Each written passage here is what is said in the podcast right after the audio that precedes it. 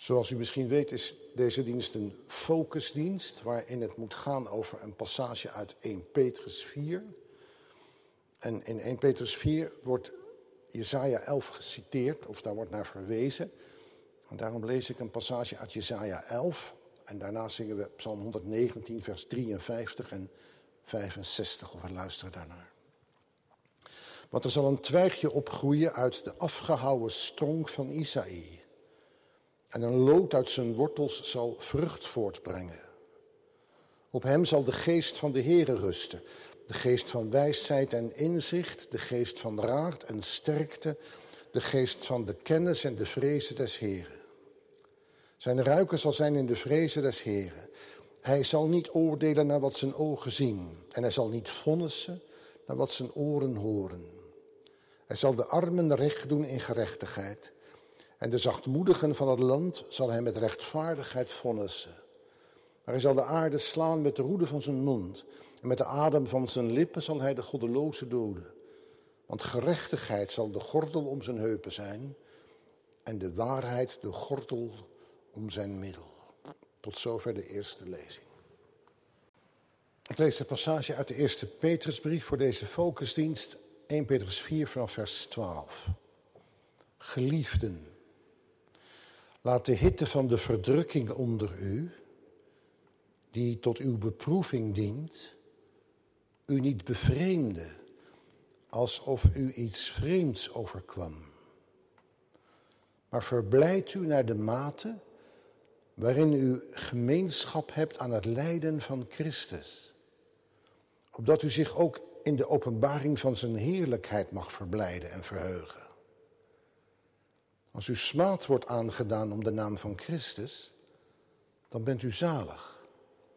Want de geest van de heerlijkheid en van God rust op u. Wat hen betreft wordt hij wel gelasterd, maar wat u betreft wordt hij verheerlijkt. Maar laat niemand van u lijden als een moordenaar of dief, een kwaaddoener, of als iemand die zich met de zaken van iemand anders bemoeit. Als iemand echter als christen lijdt, laat hij zich daarvoor niet schamen, maar God in dit opzicht verheerlijken. Tot zover de lezing zalig bent u, ben jij, als je het woord van God hoort en daarin vertrouwen uit leeft. Gemeente van Christus. Er zijn mensen voor wie wat vroeger de normaalste zaak van de wereld was, vreemd is geworden. Wat voor hen voor de hand lag, heeft voor hen alle vanzelfsprekendheid verloren. Hun werkelijkheid is op zijn kop gezet. Kunt u zich dat voorstellen? En hebt u dat ook? Het kan niet anders dan dat u op die vraag volmondig ja antwoordt. Want u bent gemeente van Christus. U bent door zijn opstanding gezet in een nieuwe werkelijkheid. Losgewrikt uit de oude. En u wordt telkens opnieuw opgeroepen en geoefend om te zijn wie u bent, aangespoord om door de liefde van God aangestoken anders in het leven te staan. En als het goed is, gebeurt dat vanochtend weer in wat de apostel Petrus ons in Gods naam te zeggen heeft. Petrus zelf is namelijk ook in wat hij voor vanzelfsprekend hield gestoord. En als je goed luistert, hoor je ook iets van zijn eigen levensverhaal in de passage die wij lazen. Om te beginnen is het namelijk uiterst vreemd dat navolgers van Christus in deze wereld op weerstand stuiten. Dat ze hun hart en handen aan anderen openhalen. Het is van de zotte dat mensen die aangestoken zijn door de liefde van Christus, die sterker is dan de dood, rafels oplopen aan hun ziel of wonden oplopen in hun lichaam. En toch moet de gemeente dat volgens Petrus niet vreemd vinden. Want voor hen is het voor de hand liggende niet langer vanzelfsprekend. Neem bijvoorbeeld de combinatie van de liefde van God en het lijden van de gemeente. Wij hebben daar moeite mee. Wij ervaren lijden als een blijk van Gods ongenoegen, van zijn afwezigheid. Bij lijden denk je, waarom laat God die liefde is dit toe? Wanneer je met moeite te, te maken krijgt, dan voel je je dus niet door God gekend en geliefd, maar in de steek gelaten. En nu zegt Petrus, en dat lijkt zeer tegenstrijdig, doordat jullie vanwege de opstanding van Christus een nieuwe werkelijkheid is opengegaan, doordat jullie geliefd zijn door God, is wat vanzelfsprekend was niet meer voor de hand liggend. Moeten jullie weten dat de liefde van God en het lijden elkaar niet uitsluiten, integendeel. Het is juist een blijk van Gods liefde dat jullie lijden. Nu moet ik wel een ernstig misverstand wegnemen. het is van belang dat u dit goed in zich opneemt.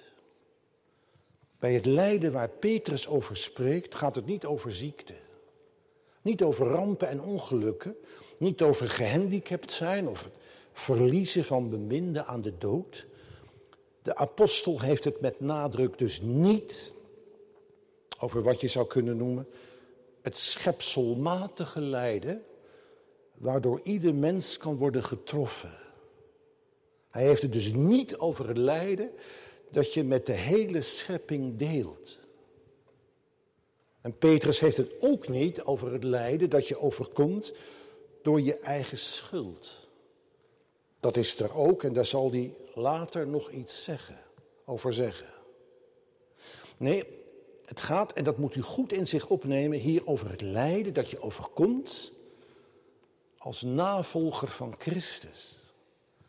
Wat dus onvermijdelijk is wanneer je aangestoken bent door zijn liefde. En bij dat lijden moet je dus niet denken aan Gods afwezigheid. Hij heeft zich van me afgekeerd. Integendeel, dat lijden is juist een teken van zijn betrokkenheid op jou en op deze wereld. In dat lijden spreek je, speel je overigens geen actieve rol. Je zoekt het niet op. Het overkomt je omdat je aangeraakt bent door Christus liefde, omdat je getrokken bent in zijn spoor. En het spoor van Christus is tegen de stroom in. Wij zeggen en wij denken, wie goed doet, goed ontmoet. En dat is in beton gegoten waarheid. Het is zelfs een gezegde geworden in onze taal. Petrus zegt zoiets ook een hoofdstuk eerder. Wie zal u als navolgers van het goede kwaad doen? Dat is ondenkbaar, want wie goed doet, goed ontmoet. Dat spreekt vanzelf. Dat denkt ook iedereen. En Petrus zelf was er ook lange tijd van overtuigd. En daarom begreep hij er niets van dat Jezus, die enkel goed deed, zijn lijden en sterven aankondigde. Dat stuitte bij Petrus op fel verzet. Hij ging daar hevig tegen in. Alleen Christus zelf is er het voorbeeld van dat hij in beton gegoten waarheid, wie goed doet, goed ontmoet, alle vanzelfsprekendheid heeft verloren. Hij kwam in deze wereld en deed niets dan goed. Het was en is er hem om begonnen mensen te redden, de wereld te behouden. Zij die geen been hadden om op te staan, gaf hij grond onder de voeten. Mannen en vrouwen die geen oog en oor hadden voor God en mensen, deed hij zien en horen. Ouderen en jongeren geplaagd door de onophoudelijke gedachte, had ik maar, maar gedane zaken nemen geen keer. Die mensen bevrijdde hij van een verlammend verleden. Jezus kwam in deze wereld om de wil van God te doen. En hij was volledig gericht op God en de naaste. Dat lees je elke bladzij van het evangelie. Dat hij in deze wereld was met een liefde die hem pijn deed en lijden kostte. Maar hij hield aan God en mensen vast. En dan zou je verwachten dat hij met gejuich ontvangen wordt. Want wie goed doet, goed ontmoet. Maar hij stuitte op weerstand. Hij werd niet geëerd, maar bespot. Hij werd niet in het midden gezet, maar weggewerkt. Hij werd als een loser aan een martelpaal gehangen.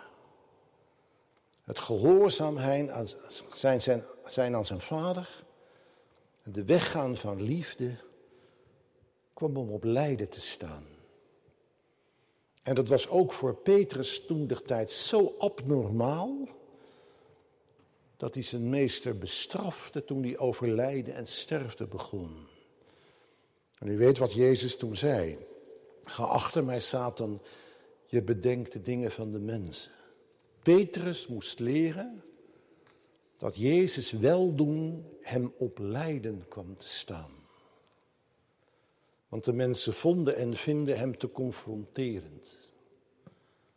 Zij kijken liever weg dan zich te ontfermen. Zij gaan liever uitsluitend voor zichzelf en hun kleine clubje dan dat ze gaan voor anderen. Zij zijn ervan overtuigd dat als je niet voor jezelf zorgt, niemand dat doet. En zij vinden dat je de regie van je leven in eigen handen moet houden. En vooral dicht bij jezelf moet blijven. Hun overtuiging is dat je met je ellebogen moet werken, anders red je het niet. En zij zijn aan de liefdeloosheid en de kilheid in de wereld gewend. Dat is de mainstream. Maar Jezus kijkt niet weg. Het gaat hem niet om zichzelf of een klein clubje. En hij vertrouwde zich toe aan God. Het is hem om het redden van mensen te doen. Ook van die mensen bij wie alles om hun ego draait. Ook van die wereld die zo zelfgenoegzaam is. En hij leed. Niet alleen aan het bespot en weggezet worden, niet alleen aan het kruis, maar ook aan de liefdeloosheid en de kilheid. En zijn lijden was niet te vergeefs. Want wat de mensen aan kwaad bedacht hebben, dat heeft de levende God ten goede gekeerd. Om een groot volk in het leven te behouden. Op Pasen kwam aan het licht dat het lijden van Christus niet te vergeefs is. In de opwekking van de gekruisigde heeft de levende God, degene die de wereld als loser zag, in het gelijk gesteld. Pasen maakt het verschil en heeft de oude werkelijkheid uit zijn voegen gelicht. En nu zegt Petrus, geliefde, en daarbij bedoelt hij niet lieve mensen, het is niet een persoonlijke ontboezeming waarin Petrus uiting geeft aan zijn gevoelens van sympathie. Nee, Petrus is gezondene en stem van Christus, dus geliefde betekent Jullie zijn geliefden, beminden van God. En realiseer je dat. En wees daarom wie je bent, een geliefde van God. En het kan niet anders dan waar je jezelf als zodanig verstaat. Als aangeraakt door de geliefde bij uitstek van wie de Heere God bij de Jordaan zei, dit is degene in wie ik mijn welbehagen heb. Het kan niet anders dan dat jullie in het spoor van hen, die het om het behoud van de wereld gaat, dat je in zijn spoor op weerstand stuit. Het is onontkoombaar dat terwijl jij lief hebt met een liefde die lijden kost, en waarin het je gaat om de redding van mensen, dat je wordt bespot. Door de liefde van Christus aangestoken wil jij niks anders dan anderen op hun voeten zetten. Bevrijden van een verlammend verleden. Oog en oor geven voor God en mensen. bevrijden van zichzelf en hun zelfgenoegzaamheid. Je wilt niets liever dan waarvoor jullie, voor wie er door de opstanding van Christus een nieuwe wereld is opengegaan, dat ook voor alle andere mensen zo zal zijn. Ook voor hen die jou het lijden aandoen. En laat het je daarom dan ook niet vreemd voorkomen. Wanneer je evenals Christus niet met gejuich ontvangen wordt, maar dat het gaan in zijn spoor ook voor jou lijden betekent. Petrus verheerlijkt het lijden niet. Hij zegt niet, je moet het opzoeken. Nee, het lijden blijft en is pijnlijk. Want het snijdt je door de ziel. Wanneer je gehoond wordt. En erger nog, wanneer Christus, het beste jou overkomen, belachelijk wordt gemaakt. Petrus spreekt over de hitte van de beproeving. En daarbij hoort het beeld van een smeltkroes, waarin goud en zilver gesmolten wordt. Daarbij gaat het er heftig aan toe en loopt de temperatuur flink op. Want vuil laat niet zomaar los. Zeker niet als het zich zo heeft vastgezet dat het is versteend. Om dan maar te zwijgen daarover dat het goud en zilver zelf alleen onder hoge temperatuur zijn glans laat zien. Het is dus alles behalve een pretje als je te maken krijgt met de hitte van het beproeving en het lijden, als je getest wordt. Maar het is wel een veelbelovend gebeuren. Want zojuist kan je leven omgevormd en gezuiverd worden. En gaat Christus zelf meer en meer zijn eigen beeld in jou herkennen. En dan leidt het zelfs tot vreugde. Omdat waar je geconfronteerd wordt met het onvermijdelijke lijden in de navolging van Christus, je heel dicht bij Hem bent. Zalig ben je wanneer je gehoond wordt in de naam van Christus. Want de geest van de heerlijkheid, de geest van God rust op jou. Petrus haalt Jesaja 11 aan, waar gesproken wordt over de afgehouwen tronk van Isaïe. Alles wijst erop dat het afgelopen is met David en zijn koningshuis. Er rest slechts een afgehouwen tronk. Er blijft slechts een rest van een dood verleden achter. Maar juist op die tronk, uit die tronk ontspringen nieuwe twijgen. Een lood op wie de geest van Christus rust. Vind je het dan gek dat Petrus ons oproept om in het lijden van Christus ons te verheugen en in ons lijden in zijn spoor?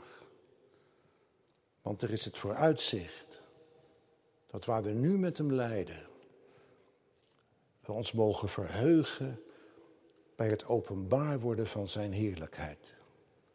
Dit lijden is niet het laatste. Alleen, dan is het wel zaak dat jullie, zegt Petrus, niet lijden als een moordenaar of een dief of een kwaaddoener of iemand die zich bemoeit met de zaken van een ander. Ik weet niet hoe het bij u is, maar als ik dit lees, denk ik, nou dat zit wel goed. Lijden als een moordenaar, dat zal mij niet overkomen. Want ik heb niemand van het leven beroofd. En ik zal dat ook niet doen, denk ik. En ik dief ben ik even min. Met de zaken van een ander me bemoeien, nou ook niet echt. en toch we moeten wat Petrus hier zegt niet te snel overslaan, als heeft het ons niks te zeggen. Een moordenaar is iemand die een ander geweld aandoet, maar ook een ander het licht in de ogen niet gunt. En een dief is in de Bijbel niet zozeer iemand die wat van een ander is zich eigen maakt, maar die een ander ontneemt waar hij of zij recht op heeft om als mens te leven. En waar we op weerstand stuiten omdat we ons bemoeien met een ander. Het beter denken te weten dan de ander. En daardoor op tegenstand, zelfs op lijden stuiten. Daar doen we ons dus dat zelf aan. Het valt op dat wanneer Jezus gekruisigd wordt, aan weerszijden van hem moordenaars hangen. Je denkt dan aan mensen die om eigen voordeel een ander hadden omgelegd. Maar dat is een misverstand. Het gaat bij die moordenaars om mensen die voor de goede zaak streden.